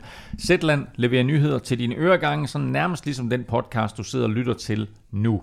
Hop ind på zland.dk-velropa, og så kan du prøve Zetland i to måneder for kun 50 kroner. Og Kim, der er efterhånden mange velropæere på Zetland. Det må man bare sige, og vi talte om det sidste gang, at der åbenbart er et eller andet match, og, øh, og jeg, jeg tror at næsten hver gang, vi, vi sætter sådan en ny kampagne i gang med, så tænker jeg, ah, kan jeg vide om, kan jeg vide om det stadigvæk er, men der har været rigtig mange her de seneste par dage, eller sidste, siden uh, sidste udsendelse, og øh, det må man bare sige, det er vi glade for, og taknemmelige for, og håber, det fortsætter. Og det er en god måde at støtte Europa podcast på også. Hvor jeg er selv øh, blevet mega fan af Zetland, og jeg Zetland, det er faktisk ikke noget, jeg bare sidder og siger, øh, fordi det er efterhånden, der er det ikke, øh, det, er ikke, det er ikke så tit, at jeg sætter mig ned længere og læser en artikel, altså en lang artikel, mm.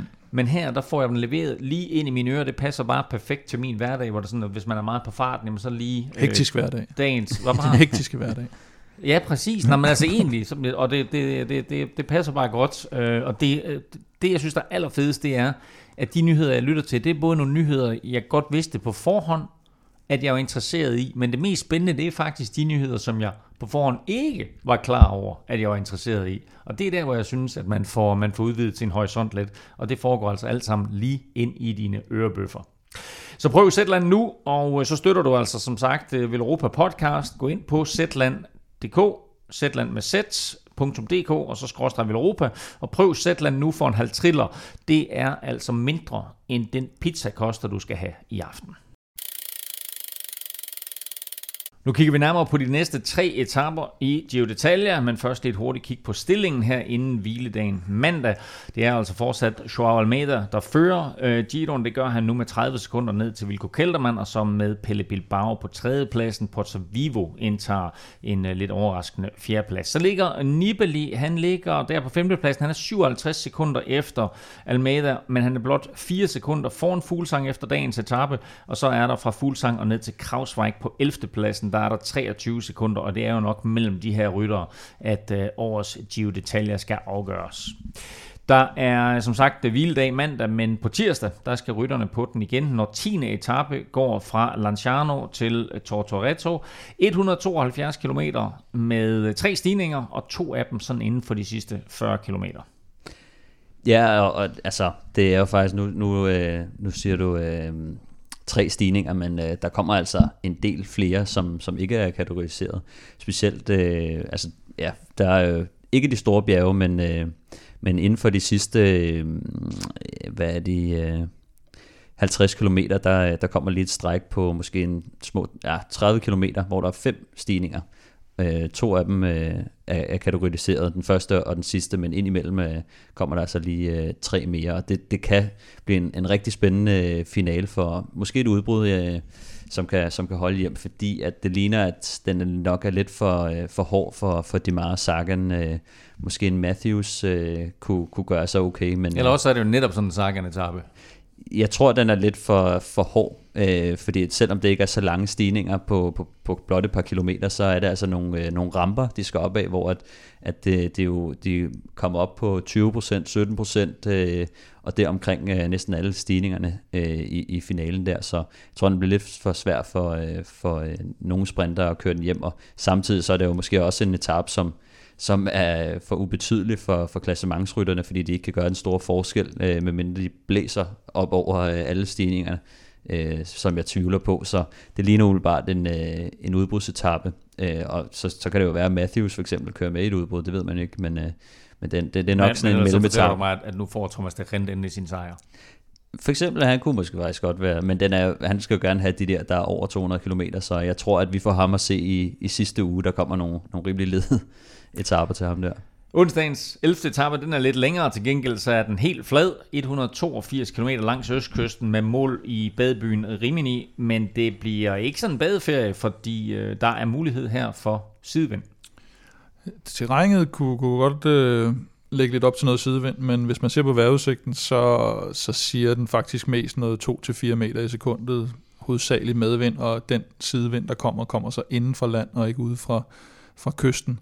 Så, så umiddelbart, så, øh, så ligner det lidt en, øh, en oplagt sprinteretappe. Der, der er jo ikke så mange af dem, så, så sprinterholdene skal jo tage vare på dem. Og øh, så er der til gengæld lover de lige nu lidt regn, måske til sidst i finalen. Så, så når du kommer ind i sådan en, en italiensk by der, med lidt, øh, måske lidt ny regn på, på lidt øh, snasket asfalt, så ved vi godt, at Men det er faktisk det sjovt, ikke? Undskyld, det jeg afbrød, men det, de kører lige nu, øh, kører de langs kysten. Øh, og, øh, og det kan godt være, at vinden ikke øh, står helt rigtigt, og mm. det ikke er helt øh, lige så meget, men det føles nogle gange anderledes ude ved kysten, og hvis den lige står rigtigt, og så har jeg også set vejrudsigten, den siger sådan, det er meget ustadigt vejr, mm. og man ved også bare, når det regner, så blæser det også øh, ofte lidt op, ikke? Så, øh, så det bliver sådan, det kan blive noget, noget rigtig juks med, med regnvejr, og måske lidt mere blæst, end, end vi lige tror, men men altså, det var og bare vi så netop på syvende etape, hvor vi ikke forventede, at der ville ske noget, mm. noget særligt. Altså kom der sidevind, og det hele blev splittet, og det blev lidt kaotisk. Så jeg tror, det er lidt det, som arrangørerne de, de håber på også her på, øh, på etappen, at, øh, altså efter etape der onsdag, at, øh, at, at der kommer lidt mere kaos, end der lige er lagt op til. Torsdag, der skal rytterne ud på en ret interessant etape, 205 km. Ingen sådan store bjerge, men det går op og ned hele dagen med over 3500 højdemeter. Hvad bliver det her for en etape? Ja, det er rigtigt. Der er, der er nemlig rigtig mange højdemeter. Når man ser på profilen, når den sådan ligesom er, er tegnet, så kan man godt se, at det går, det går op og ned, og, og der ikke er, er så mange pauser, men, men det er bare nogle relativt små stigninger, de skal over. Og derved så, så indbyder den lidt mere til et rigtig, rigtig godt vedløb med, mellem øh, nogle holdbare udbrydere. og den starter igen ude ved kysten i samme by, og så kører man ind i landet og kører sådan en rundstrækning, og der er det bare bakker og bjerge hele dagen, stort set. Så, men, men igen, det vil være underligt, hvis, hvis, øh, hvis der lige pludselig var en af klassementsfavoritterne, der, der blæste til angreb på den, og hvis det sker, så vil det typisk være, hvis, hvis de lige pludselig opdager, at der sidder en af dem med, med rigtig dårlige ben, fordi så, så kan etappen godt gøres hård nok til, at hvis du har en skidt dag, at du så falder ud bagfra. Men det er ikke sådan en etape, hvor, hvor det kan give rigtig meget mening, og lige pludselig stikke langt udefra, og så, og så holde hjem, eller, eller få nogen med. Og så lad os øh, kigge lidt længere øh, frem i kalenderen. Det her, det var altså de tre etaper, der bliver kørt, inden vi er tilbage med næste podcast på torsdag. Men der er jo sådan lidt snak omkring, hvad der sker fremadrettet i, øh, i Giroen. Fordi det er klart, at corona har været en udfordring, men nu kan værkuderne faktisk også gå hen og få ret stor indflydelse på, på Giro d'Italia. Øh, og selvom det opdager Stanierne nok ikke overhovedet. ja, der, der har været øh, snak om øh, specielt øh, Stelvio-passet og... Øh, Col, de, Col del Agnello, som øh, er nogle rigtig høje bjerge, og, og er ligesom hele krydderiet på, øh, på finalen. Det er jo er det 18. etape og 20. etape, vi snakker om, og det er måske de, det er de højeste bjerge, og, og der er for dårligt vejr på toppen, der er sne, og øh, de snakker om, at den, øh, det kan være svært at, at gennemføre de etapper, så, øh, så de begynder at tænke på, hvad de skal gøre, hvis de ikke kan, kan så, så de begynder at have nogle plan B klar, og øh, og den ene, jeg har, jeg har læst om, det er øh, til, til specielt 20. etape med Agnello-stigningen, øh, at de, de, skal, de skal skippe øh, Agnello og Isoar og Montenegro, som er de stigninger, der ligger i Frankrig. I Frankrig, de kører lige kort ind over. Fra, ja. Ja, øh, og derimod så vil de køre en lidt mindre stigning, øh, Col de Finestre, som, altså den er jo også på, på små 2200 højdemeter, øh, hvor at øh, Agnello er på, ja, 27-2800 højdemeter, så den er lidt længere nede, og, og, og forhåbentlig ikke, øh, ikke så meget. Men det vil være lidt ærgerligt at få taget sådan to øh, ikoniske stigninger ud, som virkelig øh, altså regnes for at være løbsafgørende. Øh, så, så det, vil være, det vil være lidt ærgerligt. Til gengæld så er det også noget en nyhed, som kan, kan betyde, at, at rytterne simpelthen øh, skal have mere ud af de bjerge, der kommer frem til, fordi vi ser ofte, at, at når der er sådan nogle monsteretapper til slut, så sidder de altid og venter og venter mm. og venter, Øh, det her, det kan, det kan muligvis gøre, at de bjerge, der kommer før, de, er, de har så en lidt større betydning, og, og angrebene skal til at sættes ind lidt tidligere, end de normalt ville. Så vi har jo lidt talt om det her med, med Jakob Fuglsang og, og muligheden for at, at tage den lyserøde trøje. Øhm, nu bød muligheden så ikke i dag. Han vinder godt nok nogle sekunder på, på de værste konkurrenter. Øh, den eneste, der holder trit med Fuglsang, det er Vilko Kelderman. Men ellers er, er, er det vel et spørgsmål om, at han begynder at tænke lidt mere i, at tage de her sekunder, og, og gerne også nok til, at han overtager føringen i løbet? Ja, øh, han skal til at i gang, fordi at øh, vi skal også huske på, at der er de her enkeltstarter, hvor Vilko Kelderman, han, øh, han er også rimelig god. Øh, og der, kan, der, der synes jeg sådan, at Fuglsang, øh, han har måske ikke øh, været så stabilt god i, på enkeltstarten i sine mm. par år, så, så hvis jeg var ham, så havde jeg nok øh, prøvet at få, få alt det, jeg kunne få ud af de etaper, hvor at der er bjerge på, og specielt den her hvad er det, 12. etape, øh, hvor der jo som ikke ligner en, en klassisk etape, men vi ved bare, at Fuglsang han er også god til det der klassikerterræn, måske mm. en del bedre end en Kelterman vil være. Så, øh, så, så det kunne være sjovt at se dem prøve at skabe lidt kaos på nogle af de her øh, anderledes etaper, fordi han skal, han skal til at, øh, i hvert fald her i anden uge, skal han finde på et eller andet, fordi at, øh, det er ikke sikkert, at han kan tage så meget tid på, på Kelterman øh, og måske Nibali på, på enkeltstarterne, så, og det er jo en meget interessant pointe, det der, Stefan, fordi hvis man, hvis man tænker på, på 12. etape for eksempel, som, som lidt en, en slags profil eller Liège, mm. øh, ikke helt så stejle stigninger, ikke helt så lange, men trods alt sådan lidt derhen af. Og der kommer faktisk nogen, der er lidt længere end dem, der er i Liège, mm. øh, ja. men det er måske tæt på at være den samme type. Der kommer lige måske et par stigninger, der er lidt længere. De 4-5 kilometer i stedet ja, for, ikke? Men hvor, hvor er man hen så i en Grand Tour sammenhæng? Fordi man ved, at der kommer en etape i morgen, og der kommer en etape i morgen igen, eller i overmorgen, og om mm. tre dage, om fire dage osv. Altså, tør man tage chancen og så sige, nu, nu kører jeg, nu, nu, nu kører jeg simpelthen en Liège-etape her, mm. og så ser jeg, om jeg kan vinde øh, 30-40 sekunder eller måske mere. Tør man det? Det kan jo godt være, at altså, som overraskelsesangreb kan det være godt. Øh, jeg kan huske en gang, uh, Gilberto Simoni, han, uh, han lige pludselig stak af på sådan en, hvor man tænkte, det er jo ikke nogen bjergetappe. uh, og så, så, uh, så vandt han en del på det. Uh, og, og grundlagde egentlig sin Giro-sejr der. Men ja, det, er, det er en risiko, hvis ikke du har terrænet til det. Jo, altså, også, du, altså jeg tænker øh, også mere om, om man tør for ikke at blive straffet dagen efter Ja, med benene og sådan noget. Jo, men de andre skal sådan set også, men det er mere det der med, at du risikerer at bruge de kræfter, og så faktisk blive kørt ind. Altså, at du ikke får noget ud af Ah, det på selve dagen, ja, ja. tænker jeg. Og der, det, den risiko tænker man nok meget i. Og det er jo også derfor, man ser, hvis der er for langt til mål for den sidste stigning, eller den ikke er hård nok til sidst, og sådan noget, så, ja, så, så er der nogen, der siger, ah, så gemmer vi sgu krudtet. Men det er jo rigtigt. Hvor længe kan de gemme?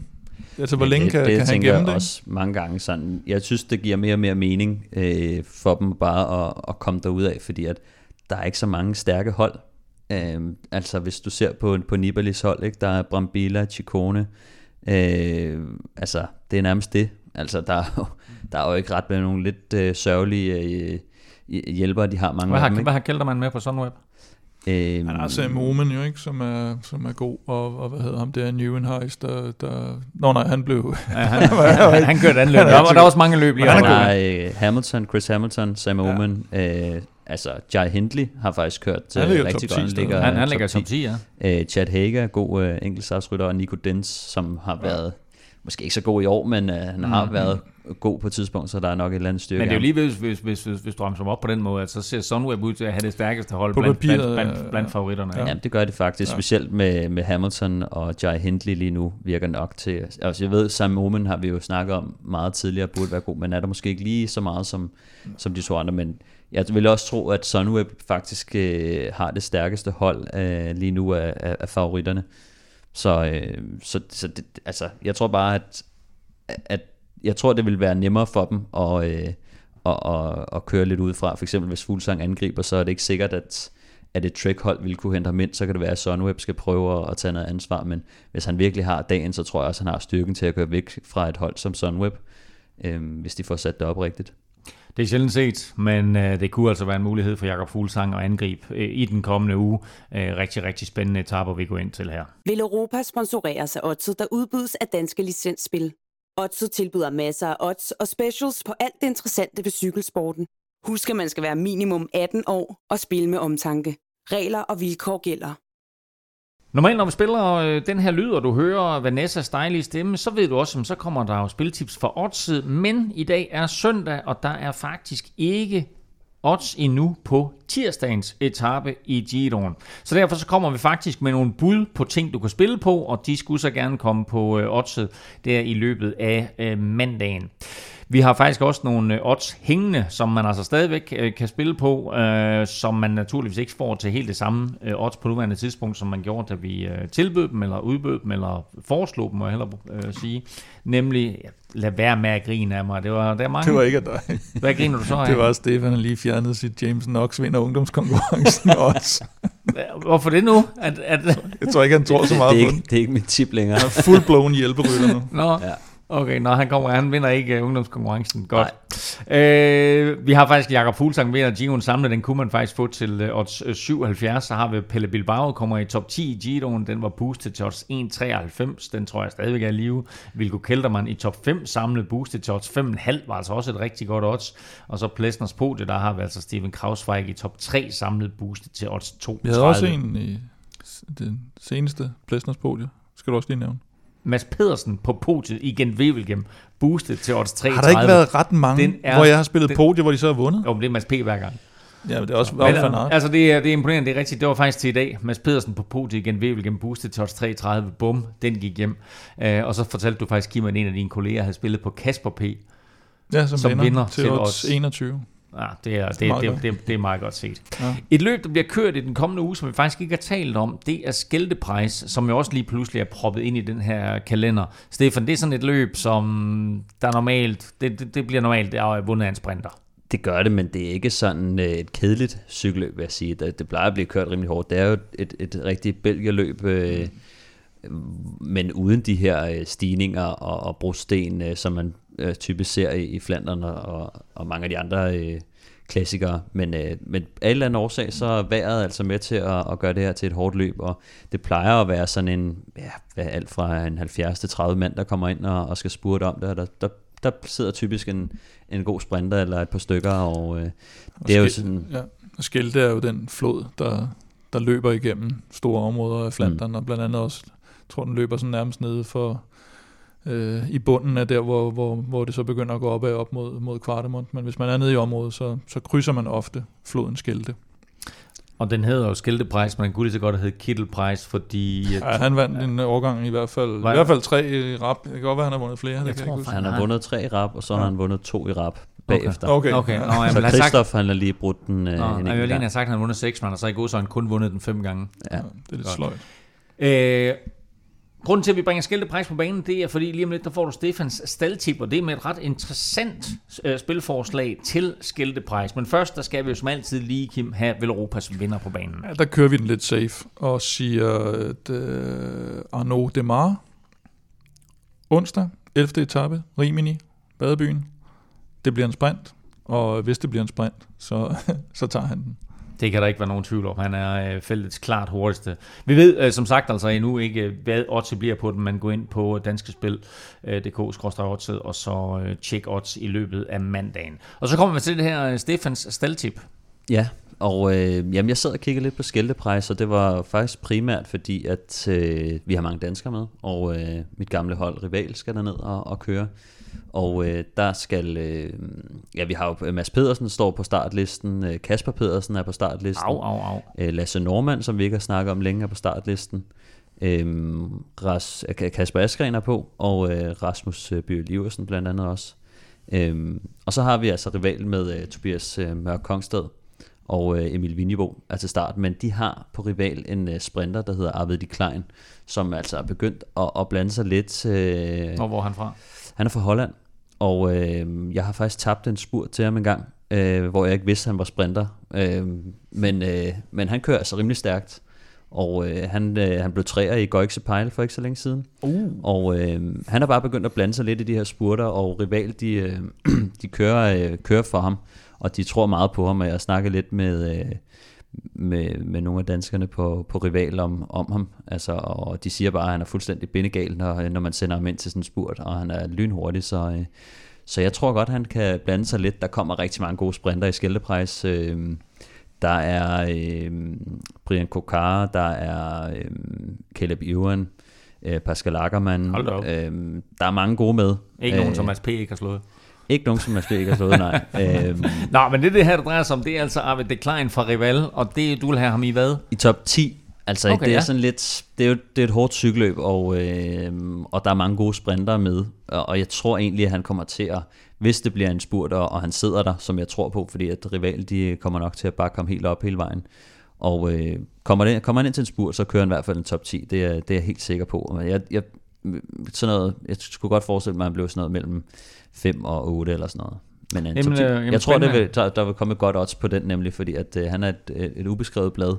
Vi glæder os til at se, hvad, hvad oddset bliver på øh, Arvid de Klein i top 10. Og så sidst, men ikke mindst, Plesners podie. Ja, der kigger vi lidt længere fremad, og, øh, og ser om ikke vi kan få, få oddset til at, at lave et, et odds på, at øh, det König Quickstep får en mand på podiet i Flandern rundt. Og plejer de jo øh, det, det gør de normalt. Det, der er specielt ved det i år, er jo selvfølgelig, at vi har de her to øh, unge kamphaner, øh, Wout van Aert mm. og Mathieu van der Poel. Og, øh, og det, det kunne godt gå hen og optage to pladser på podiet. Og så har vi en formstærk Mads P. Og så er det lige pludselig ikke sådan helt så nemt. Øh, men de plejer at, at finde en måde at få, at få en mand på podiet på, og det, det tror, vi, tror vi også, de gør den her gang. Og øh, så må vi se, hvad, hvad det kan give os. Vi øh, opfordrer altså igen til, at du lige hopper ind på øh, oddset i løbet af mandagen og ser, hvad de her tre spilforslag de ender med øh, i odds. Det var dagens spiltip bragt i samarbejde med oddset fra Dansk Spil. Og så til en skuffende nyhed for alle cykelfans. Coronakrisen i Frankrig og medfølgende restriktioner har nemlig medført, at det legendariske Paris-Roubaix aflyses, og dermed så blev det altså det, blev det, det 15 af i alt 36 World Tour løb, der har lidt den her skæbne, Kim. Ja, det begynder at, at, at nærme sig halvdelen, eller det kan være, at vi rammer halvdelen, inden øh, sæsonen er, er overstået. Det er jo rigtig... Altså, da jeg kiggede den liste igennem, så tænkte jeg jo egentlig, "Nå, men det er jo bare lige nogle stykker her, der er blevet aflyst. Men der var mange af dem, der blev aflyst i foråret, som slet ikke blev rykket til efteråret Mm. øh, af, af World Tour løbende. Øhm, og nu har vi så den her, vi, vi snakkede om det i, i øh, hvor fanden var vi optog sidst? Torsdag. at, øh, at igen Wevelgem, der, der røg de ikke ned over den franske grænse, fordi der er nogle problemer oppe i, i Nordfrankrig, i, øh, jeg tror den hedder Lille Metropole-regionen, og øh, der er lidt for høje smittetal, og derfor så, øh, så, så er man også sådan på et relativt tidligt tidspunkt gået ind og, og aflyst Paris-Roubaix. Og det er nok også noget med, at lige præcis med det løb, der vil man godt være, være lidt tidlig ude øh, for at gøre det. Og det, det var der nogen, der blev skuffet over. Blandt andet dagens øh, Gent Wevelgem vinder med SP. Det jeg tror, der var gået, hvad? Mm. 20, 20 sekunder nærmest efter, det var blevet offentliggjort, så stod der bare, no. 20 sekunder før, der havde han også lige lagt et billede op, Ja, og de. Ja, hvor de var ude på af velodromen. recon. Ja. Jamen, det er så ærgerligt, fordi lige nok til det der, han havde lagt Ja. et billede op for velodromen som, ja, Ja, som afslutning på, på Paris-Roubaix, ikke? hvor han sammen med Tøjven, og Tøjven, hvor han sammen med Støjven, Støjven og er den Tøjens, nye fuglgren. ja, præcis. Tøjven. Hvor han sammen med Støjven og Tøjens stod der og jokede lidt med, hvem der havde kørt. Jeg tror, de skrev, at Tøjens havde vundet spurten eller ja. noget andet, ikke? Men at de havde været ude at lave recon, og der går, fra han lægger det op, der går der ikke en time. der går ikke lang tid. Der går ikke en time Og så skal jeg ellers til, love til Paris-Roubaix, de aflyser. jeg tror aldrig mit, jeg følger selvfølgelig meget, øh, øh, hvad hedder det, cykelkilder i mit Twitter-feed, men er du sindssygt, den der pressemeddelelse fra, øh, fra Ja, den ASO om. Paris-Roubaix, den lå der bare, altså, 8.000 gange lige pludselig i en tweet, ikke? Og, og alle var bare sådan lidt, både fans og rytter, og det, altså, det er en af de værste, øh, der kan ryge ud af kalenderen, ikke? kørt øh, hvert år siden 1942, så altså selv under 2. verdenskrig, der, der gennemførte og blev selvfølgelig Mm. mm. også kørt før det, man havde altså lige et par år der i løbet af 1. og 2. verdenskrig, hvor den ikke blev kørt, men blev altså faktisk kørt øh, i, de, i de sene øh, krigsår der, så øh, det er en, en meget, meget, et meget, meget traditionsrigt løb, der bliver aflyst her. Jo, og så havde vi jo den der supersøndag, som nu synes vi jo nok lidt som danskere, vi havde en supersøndag i dag, men øh, der, der var lagt op til endnu mere supersøndag øh, den, den 25. oktober der. Øh, og, og der må vi så formentlig nøjes med, med noget afgørende enkelt start i Giroen. Og måske en Vuelta-etappe. Det kan være, det bliver en, en, en fesen søndag lige pludselig. Ja, altså vi ved jo ikke helt, hvad der, hvad der kommer til at ske med. Vueltaen, men det er rigtigt, der, der var de der tre løb en øh, afslutningen på Giroen, jeg tror det er 6. etape i Vueltaen, og så altså Paris-Roubaix, og nu er Paris-Roubaix øh, aflyst. Så skulle der faktisk også have været debut for kvinderne Mm. i Paris-Roubaix sammenhæng, mm. men det er jo så øh, desværre også aflyst. Øh, men Paris-Roubaix er jo faktisk ikke det eneste offer for coronaen, fordi øh, flere ryttere er testet positiv, blandt andet en Giro-favorit, der nu er udgået. Ja, Simon Yates, han, øh, han røg ud af Giroen, og han, han havde jo sådan lidt underligt tabt tid til de andre øh, klassementsfavoritter i, allerede i, i første uge, og det, det var der også nogen, der havde, der havde undret sig lidt over. Og, og rygterne går på, at han måske allerede er testet positiv på, på det første hotel, de var på, på Sicilien. Altså, det Eller har sige, fået det på det første hotel, Ja, ikke? og, og det vil sige, at han kan jo reelt set have, have rendt rundt og smittet øh, mange andre i, i den første uge. Og det Det skal Nej, fordi han, øh, han kørte jo nemlig øh, social distancing, vel, så det er bagerst alene. Han ligger altid næsten bag i feltet, ja. det er rigtigt. Ej, men det, det skal blive faktisk lidt interessant at se. Øh, nu skal de jo testes alle sammen i morgen, mm. og øh, hvor mange har gået øh, hele boblen der, som det hedder, skal testes, og hvor mange øh, er, lige pludselig, øh, er lige pludselig smittet der. Ja, altså det, det, det, øh, hvis han har haft det siden starten, ikke? altså Mm. han har jo været off øh, siden starten, og nu får vi altså, hvad der ligner at være grunden til det. Og øh, der vil jeg altså være sådan lidt øh, bekymret på øh, selvfølgelig hele holdets øh, vegne, men også øh, feltets vegne, fordi Mm. mm. at hvis han har fået lov til at køre rundt, og de skulle holde live i hans øh, håb om en sejr, så er de nok øh, holdt ham inde øh, lidt for længe. Øh, og, og altså, det kan jo være, altså worst case, så bliver øh, Giro d'Italia aflyst, fordi at, øh, vi har et, øh, et stort kuld, der, øh, Mm. der skal teste. Jeg tror, det er sådan, at de, øh, som, hvis de gør, som, det, som de gjorde i Tour de France, så bliver de øh, dobbelt testet. Øhm, så øh, i turen, der ved jeg, at de startede med at teste allerede om øh, søndagen, søndag aften, og så testede de om formiddagen, og, øh, og, og så testede de igen om aftenen, tror jeg, øh, på hviledagen. Øhm, så de har i hvert fald prøvet at gardere sig lidt og teste, øh, teste grundigt, øhm, og, og så, så tror jeg, at de skulle gerne få svar i løbet af mandag, mandag aften og, øh, og, og, og tirsdag morgen. Men det er jo lidt vildt, fordi vi sidder her og tænker, at etaperne er spændende, men for rytterne, der er dagen i morgen, hviledagen, det er jo næsten den mest spændende overhovedet. Ja, det det, er jo bliver- vildt, ikke? Altså, øh, hele Mitchelson Scott-holdet kunne jo i princippet have corona lige nu, og, øh, og hvis de også har siddet øh, og minget sig lidt med, med, med nogle af de andre, ikke? Så, øh, Mm. Så altså, jeg krydser virkelig fingre for, at, øh, at, at der ikke kommer særlig mange tilfælde, og, og det er jo egentlig ret vildt, da vi så Tour de France, der sad jeg også, inden de gik i gang, altså så var man sådan lidt, jamen hvad så, hvis der er nogen, der bliver smittet? Og, øh, Og det vilde det hele, ikke, det er jo, at den lysrøde føretrøje lige nu sidder på Joao Almeida. Og hvad sker der? hvis de beslutter sig for at aflyse Gio d'Italia. Mm. Er han så vinder 2020?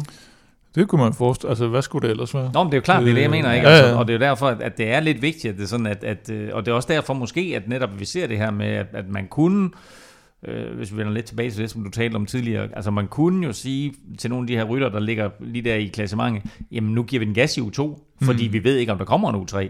Ja, det, det tror jeg også godt, det, det, har, det kan man godt se, at har været sådan lidt i tankerne hos dem, altså, at, og jeg kan se, at der er flere, der simpelthen har, har været lidt inde på det, dermed at, at øh, nu ved vi, at vejret har, har afløst nogle af de vigtige momenter, men, men de faktisk også tænker over det der med, hvad nu hvis løbet, øh, hvis den sidste uge øh, bliver, bliver af, aflyst, altså i, i det hele taget, ikke? Øhm, så, øh, så det er sådan lidt, lidt for spændende, synes jeg. Øh, og, og, og derfor så tror jeg også, at øh, Quickstep de virkelig går all in på at, at holde den der trøje, hvis Ja. nu at, Mm. øh, der skulle ske øh, Ja, det er det ikke, værste. det er, ikke, det er ikke så tit, de har en Grand Tour vinder. Og man kan sige, nu, nu bliver det jo virkelig testet i på holdene, altså om de har kunne holde sig fra hinanden og overholde alle, alle regler, øh, og de har været spredt lidt på nogle forskellige hoteller, men øh, der er jo stadig... Øh, Det bliver, en, det, prøv det, det bliver en vild dag. Altså, det bliver den vildeste hviledag, ja. mands minde, det der. Ikke? Det Altså, det, det, det, det, altså- kan eksplodere. Men nu når, siger du når, du kører, når du kører cykelløb, så kan du ikke undgå, at man sidder og, og ånder hinanden. at Du sidder skulder ved skulder, ikke? Og, mm. og, og hoster og proster. Øh, så øh, sådan noget øh, coronavirus, det kan, det kan hurtigt få ben at gå på. Du udlagde, du udlagde Kims Ej, ja, det stort anlagte joke Og derovre. hvad sagde Det du? var en Og overgang jeg, jeg, gør, jeg, gør, jeg gør det igen. Jeg gør det det bliver en vild hviledag. Skal jeg så sige det nu? Ja, så siger du. Okay. Og nu siger du vild. Ja. Fordi der er endnu en, der er ramt af corona. Ja, der var, Gent Wevelgem blev faktisk øh, ramt relativt øh, hårdt, havde han sagt, rent, rent ryttermæssigt. Og, øh, og der, ja, det er mig, der, der kommer en presmeddelelse fra Trek Segafredo nu, om at Mads P. har vundet øh, Gent oh, Wevelgem. Så det var den, der sagde bip. Der, der er vi lidt foran dem. Øhm, nej, der var netop hende der Kirsten Vild, eller Wild, eller Vildt, Vildt. eller hvad, hvordan de udtaler nede i Holland.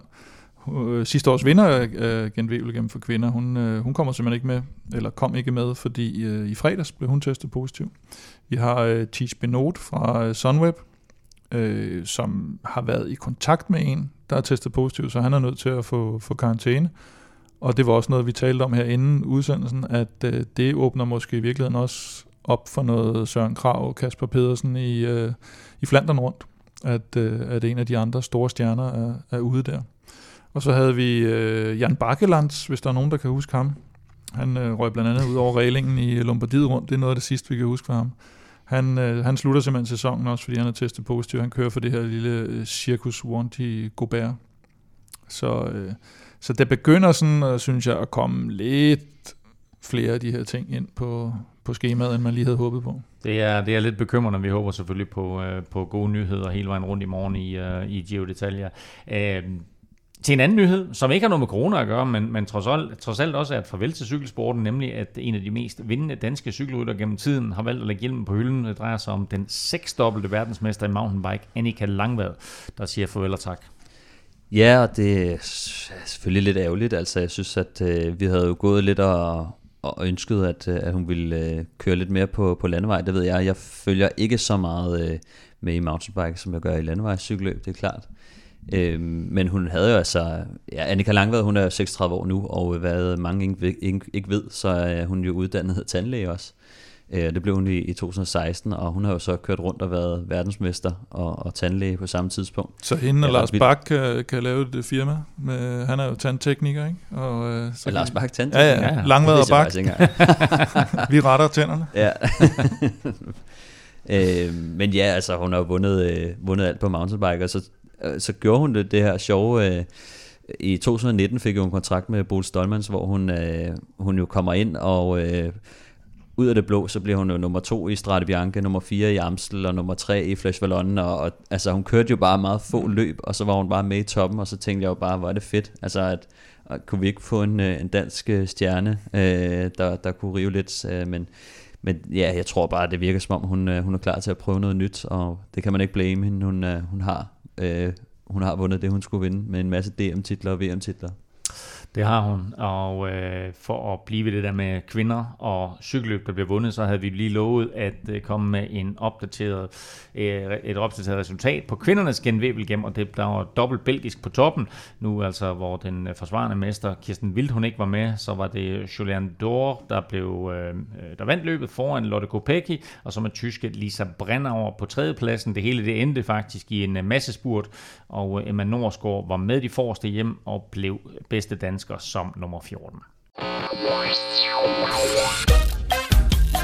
Bedste dansker i quizzen lige nu er Kim Plesner. Vi ved ikke, hvordan det ender ved, øh, ved sæsonslut, men øh, du fører lige nu øh, 26-24. Åh, oh, jeg har jo den der alternativ quiz. Du har en alternativ quiz. Det er rigtigt. Den Skal vi, lige, vi- skal vi have den Jamen, først? den har vi faktisk vi glemt. glemte, i- du glemte den faktisk i sidste uge. to gange, tror jeg nærmest. Okay, ja. Fordi det handler om VM. Okay. Der er fire personer, der nogensinde har vundet Liège-Bastogne-Liège i VM-trøjen. Ja. Og Allan, han var meget, meget tæt på at blive den femte. ja. Det gjorde han ikke. Hvem er den seneste? Subsidiært alle fire, hvis man er så god. Paolo Bettini. Det er et rigtig godt bud, men det er ikke rigtigt. Ja, han, er- han er god til det, Kim. uh, den seneste, der har vundet Liège, iført VM-trøjen. Um,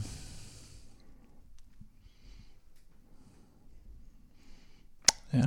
altså, ja, den, den, den, den sikre, det er jo Eddie Max. Han er faktisk den næst seneste. Bare, bare i dag, Elming. Ja. Jeg har lige sagt Eddie Max. Har den Nå, næste okay. seneste? Øhm, Ja, I får et bud hver. Mere. Okay. Mere? Nå, Okay. okay. sådan. Øh, stram quizmaster. Øhm, ah, Rebellin Nej. har ikke vundet VM. så selv jeg skulle lige teste. Det var bare... Øh, Jeg mener, Det var de, ikke et svar, de, de to var- første mener jeg var Rik van Looy og Færdig Kybler. Så siger jeg Valverde. har, har, Nej, Valverde, Valverde er et dumt bud. Men nå, nu har jeg sagt Altså, Valverde. Valverde er faktisk en meget Ja, godt bud. jamen, jamen, det, han, han vandt Liège før han vandt VM. Men jeg siger Valverde. Det rigtige svar er Moreno Argentin Oh. i 1986. mm, det vidste jeg faktisk godt. Nå, Fordi at jeg har læst op på det. anelse. Det jeg og, og, og, den quiz fik vi lige nu, fordi at der en- var Liège, der blev kørt for et par uger siden, og så har du gerne vil fyre den quiz af lige Der vil jeg, øh, og så har jeg glemt det lige siden. Fint, og så er der styr på det nu. Jeg Så er der styr på den. Ingen anelse. Nå, skide godt. Dagens quiz går ud på danske vindere i Paris Tour. Kasper P. er den seneste. Han vandt i dag. For to år siden, der vandt Søren Krav. Men hvilke to andre danskere har også vundet Paris Tour? Stefan, du har serveretten. Vil du svare først? Jeg svarer først, Ja, tak. og øh, jeg er lige kommet i tanke om det. Ja. Øh, Nej, det var da heldigt. Du skal sige, Jakob Storm Pil. Det er rigtigt. Jakob Storm Pil har vundet. Det er nemlig fuldstændig korrekt. Ja. Det er et point sikret. Bang. Ja. Så er det den svære. Men jeg tror også godt, jeg kan den. Mit gæt er Rolf Sørensen. Ej, cheap shottet. Nå, Og I er skarpe, fordi det er lige nøjagtigt de to, der har vundet. Uh, Rolf Sørensen vandt i 1990, og det gjorde han, da han kørte for. Han kørte for Ayostea. Ah, du er sej, Kim. Det er nemlig fuldstændig korrekt. Og uh, hvem kørte Jakob Pil for? Det var øh, Team CSC. Det var nemlig en aktie se. Hvad Men hed de på det synes- tidspunkt? Jeg kan, jeg kan give det over. CSC Tiskali. Det var rigtigt, det var 2002. Prøv at høre, det var et point til hver, så øh, stillingen... Jeg synes, for- den Jakob Pil, der må lige tælle for halvanden. Altså, den Ej, det er var, lidt det var sejt. Det var den sjovere. nemme, Det var virkelig sejt. I var får den et point hver, så altså Kim er stadigvæk foran med, med, med, med to øh, point her. Nu er det til gengæld 27-25. Og Stefan, du har stadigvæk serveretten til i næste uge. Vi er tilbage allerede på torsdag, og det er vi med en status på Gio d'Italia, og så er vi med, og så optagt jo til, til weekendens enkeltstart og bjergetappe i Giroen, og så ikke mindst optakt forhåbentlig til Flandern rundt. Der er jo ikke øh, noget, der hedder corona i Belgien, og selvom der var, så øh, overtrum for cykelløb, altså corona, så derfor så bliver der naturligvis vi. kørt, øh, kørt Flandern rundt. Indtil da, der kan du følge Kim på Twitter, og det er også samme sted, du følger Velropa, og det er på Snablag Velropa. Stefan finder du på Snablag Stefan Djurhus, og undertegnet finder du på Twitter, Insta og Facebook på Snablag NF Elming. Tak for nu. Tak fordi du lyttede med. Tak til alle vores støtter på tier.dk. Og naturligvis tak til vores partner Zetland og Otse for Danske Spil. Støt dem, de støtter os. Arrivederci.